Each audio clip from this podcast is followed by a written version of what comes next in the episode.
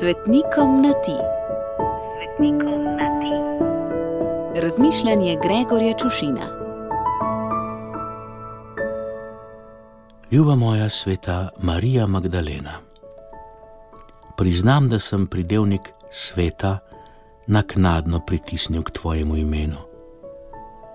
Čeprav se o tebi, kljub tvoji ali pa prav zaradi tvoje preteklosti, precej govori tudi v nadvse pobožnih družbah, zelo redko slišimo tebi govoriti kot o svetnici. Razni sveti Petri, sveti Janezi, sveti Jožefi in sveti Pavel Miki in ostali japonski močenci nam kar letijo iz ust. Sveta Marija Magdalena pa se zatakne. Bo kdo rekel, da morda zaradi dolžine imena, ki mu pridajamo še priimek oziroma nadimek, pa ni res.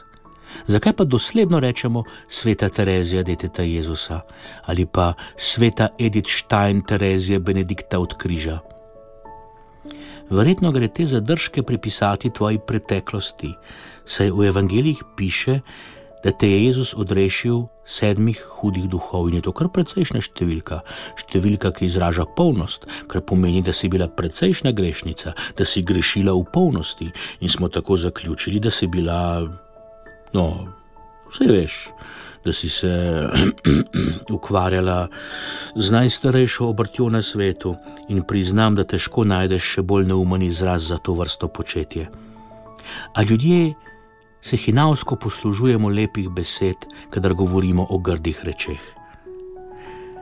Za tvojo kolegico, tako v svetništvu kot v nekdani obrti, sveto Pelagijo, so življenjepisci tako zapisali, da je bila igralka in plesalka, ki je živela bolj malo zgledno življenje.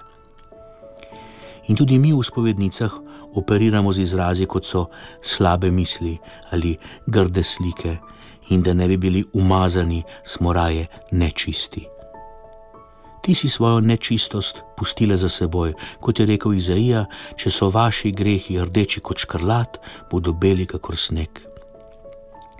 Po srečanju z Jezusom si z njim tudi ostala, hodila za njim kot apostoli, ustrajala z njim ob križu, za razliko od apostolov, in takoj, torej hitreje in prej kot apostoli, verjela in pričevala, da je ostal od mrtvih.